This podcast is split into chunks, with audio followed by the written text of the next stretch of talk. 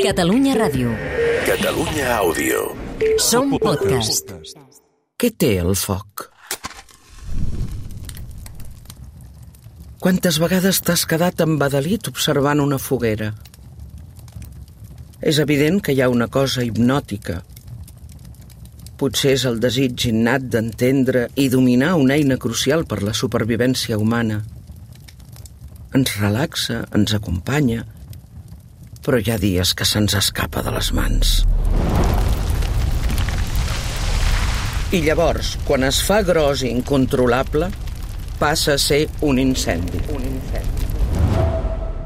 Una espurna sorgeix enmig del bosc.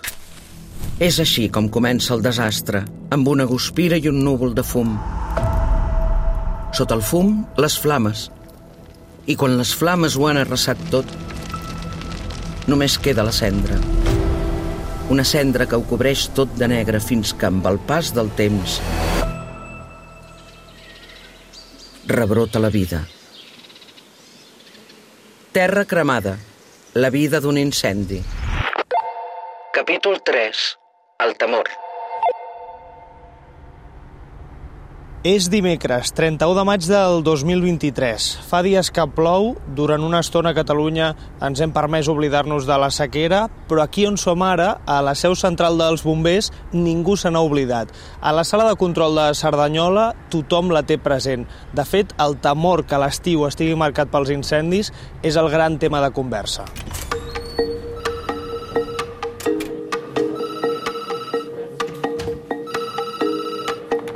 Falten 24 hores perquè comenci la campanya d'incendis i en aquest complex on soc, envoltat de camions vermells, l'ambient és tranquil. Aquí hi ha reunions... Doncs bon dia i benvinguts al briefing de la Guàrdia avui.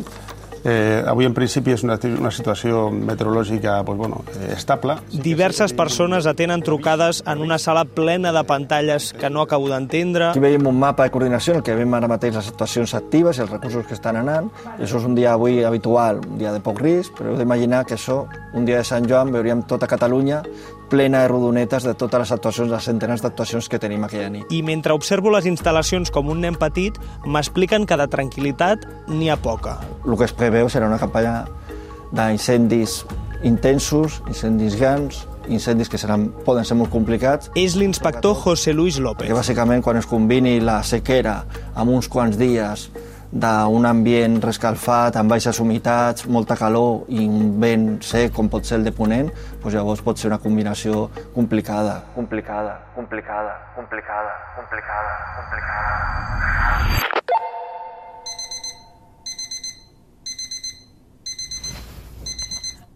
I ara sí, la campanya d'incendis ha començat.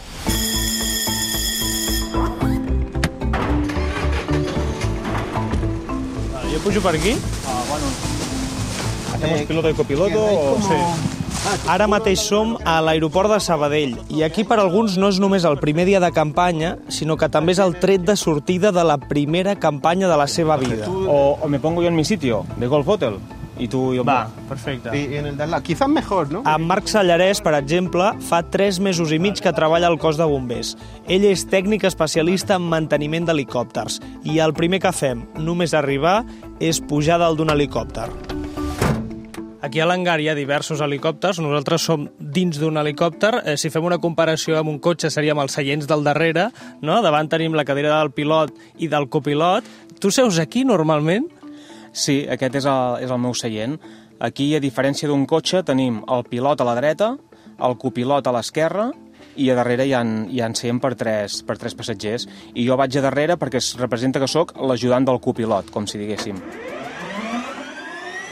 En el moment que un incendi es comença a fer relativament gros, quan fan falta més de 5 helicòpters, a la que hi ha 5 helicòpters ha de sortir eh, l'helicòpter de coordinació, que en diem el COA. Aquí és on vaig jo. Marc, tu portes 3 mesos aquí al cos de bombers. T'has trobat ja amb algun gran incendi eh, o encara no ha arribat aquest gran incendi forestal?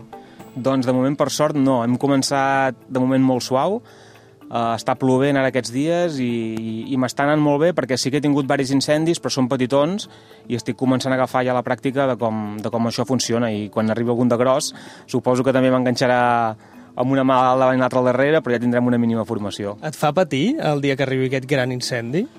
Ens han avisat de que arribarà, perquè bueno, la cosa no pinta bé, i tinc ganes d'estar d'estar en aquesta situació. Quant temps fa que vols ser bomber? Doncs aquest és un tema que sempre m'ha interessat, però ara fa menys de 4 anys, 3 anys i mig, si no m'equivoco, doncs que vaig tindre una aventura personal que em va fer veure doncs, que l'objectiu de la meva vida era, era treballar al cos de bombers. És una pel·lícula molt maca que comença molt malament però acaba molt bé.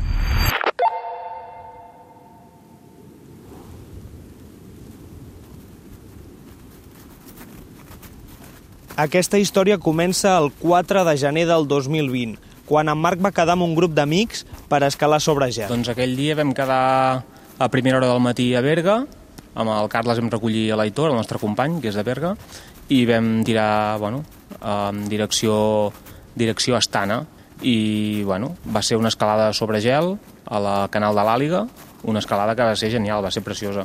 Escalant no vam tenir cap problema. El dia era genial perquè feia fred, eh, feia sol, no feia vent, era un dia magnífic per escalar sobre gel. El que sí que un dels, dels nostres errors, el principal error, va ser que vam començar, vam començar tard. Eren aproximadament dos quarts de set de la tarda i com que s'estava fent fosc, van optar per baixar pel camí més fàcil. Coneixien la ruta, se sentien segurs, però el que no van detectar, per la falta de llum, és que un tram d'aquest camí estava glaçat. Era pràcticament de vidre. Jo caic i quan començo a caure caic cridant. És a dir, jo eh, vaig caure conscient i estava veient doncs, com anava avall. I a mitja baixada vaig deixar de cridar perquè em devia quedar inconscient, però ells van veure com el frontal seguia baixant muntanya avall i vaig desaparèixer. No en tinc cap record però no perquè estigués inconscient, sinó per lo que m'han explicat, eh, algú m'ha explicat que el, el cos per autoprotegir-se borra aquests records perquè, perquè no t'afectin. A mitja baixada vaig deixar de cridar perquè suposem que, que vaig quedar inconscient i vaig desaparèixer del camp de visió del Carles i l'Aitor. Jo sempre ho he dit que amb tot aquest accident, eh, a part de la meva família, qui més ha patit eh, van ser el Carles i l'Aitor i entre ells s'ho van dir, eh, preparem-nos perquè trobarem el Marc segurament però no el trobarem viu, però és així eh, jo crec que va ser els moments més durs de, de tot això. I a partir d'aquí què fan? Eh, ells saben que tu has caigut però t'han perdut de vista? En el moment en què jo caic eh, ja truquen els bombers.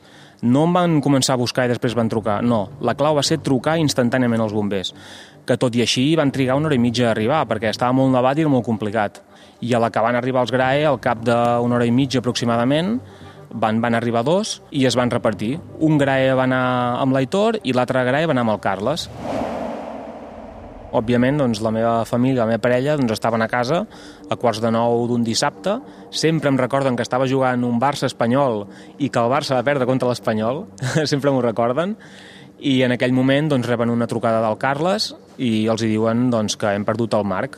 La informació és aquesta, hem perdut el Marc i l'estem buscant. Tres hores i mitja després de l'accident, els bombers especialistes en rescats van començar a trobar algunes peces del material que portava en Marc. Quan van arribar al frontal van veure que jo no hi era allà, que el frontal havia baixat sol, i allà es van plantejar doncs, que, doncs, que la cosa anava, acabaria molt malament. Uh, després del frontal van trobar el piulet, la cosa anava pitjor, ja m'ho comenta l'Aitor que el Ricky, un dels, un dels Gray, li va dir prepara't perquè el que trobarem segurament serà difícil de, de veure i d'assimilar. Vull dir. I llavors l'altra parella, que eren el Gerard i el Carles, doncs criden a l'Aitor i el, i el Ricky doncs, que, doncs, que m'han trobat. I com et troben? On eres? Uh, sota un arbre, inconscient, amb hipotèrmia, amb, bueno, les condicions eren, pintaven molt malament, molt malament. Un arbre que et frena, imagino. Em va parar l'arbre que tenia una forma amb tres branques, que jo vaig anar vaig encaixant aquestes tres branques. Um, si jo a dalt hagués fet una passa més, segurament l'arbre no m'hauria parat.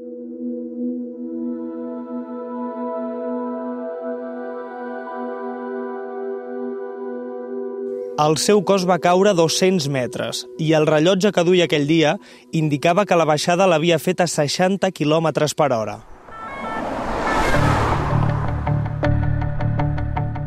Els serveis d'emergències el van portar fins a l'Hospital de Puigcerdà, però la complexitat del seu cas va fer que decidissin traslladar-lo a l'Hospital de Terrassa. En Marc estava en coma induït.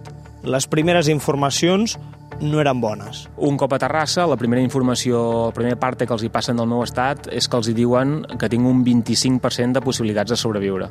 A la mesura que van passant hores, milloren les notícies, però no saben si tornaré a caminar, eh, no saben si tornaré a parlar, Uh, la informació és molt, surt molt a poc a poc i les notícies són, són molt dolentes. Al cap de 10 dies, en Marc va despertar del coma. Quan desperto no conec a la meva família, no conec a ningú, no conec a la meva parella i no saben si això millorarà o empitjorarà. I a poc a poc va començar a parlar i a reconèixer persones. Ell temia no poder tornar mai més a la muntanya, però el treball psicològic que va fer durant setmanes el va ajudar.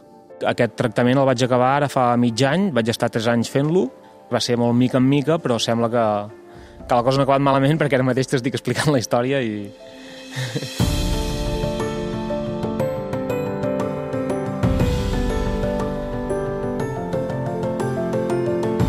aquest accident va ser la clau per dir vaig al 100% a per això i ara mateix doncs, estic a dintre l'hangar de bombers i estic treballant. Vull dir que, bueno, més content impossible. Tu què sents quan, quan et veus amb l'uniforme, quan et veus treballant d'això? Uh, més, que, més que jo ara mateix amb l'uniforme és que és el lloc on estic. Aquí estic a, estic a dintre de l'hangar de, dels bombers que hi ha helicòpters dels GRAE, que són els que em van rescatar a mi eh, els rescats de muntanya, ara aviat començaré a fer rescats de muntanya i treballaré amb els GRAE i tra coincidiré a l'helicòpter amb els dos bombers que, que van arribar primers al meu accident. Aquí darrere hi ha un menjador que estan, ara estan dinant i aquí hi ha GRAEs que van participar al meu rescat, vull dir, és que, bueno, és que no, no, no tinc paraules per, per explicar, per descriure això, és brutal. Eh, prefereixo això que no pas que em toqui la loteria.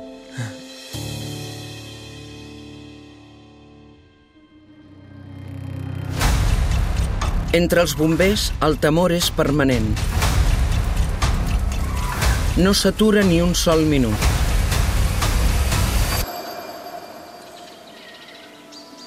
Mentrestant, al bosc hi regna la tranquil·litat absoluta. Un grup de formigues transporta un tros de fulla cap al seu niu. El vent que bufa al vespre mou les fulles dels pins secs. És precisament aquí, al bosc, on pot arrencar la tragèdia.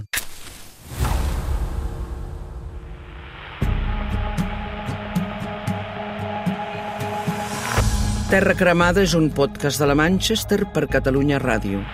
Direcció i locució, Nil Marvà. Guió, Xènia Santigosa. Realització, Pablo Sánchez. Veu, Mercè Arànega. Catalunya Ràdio. Catalunya Àudio. Som podcast.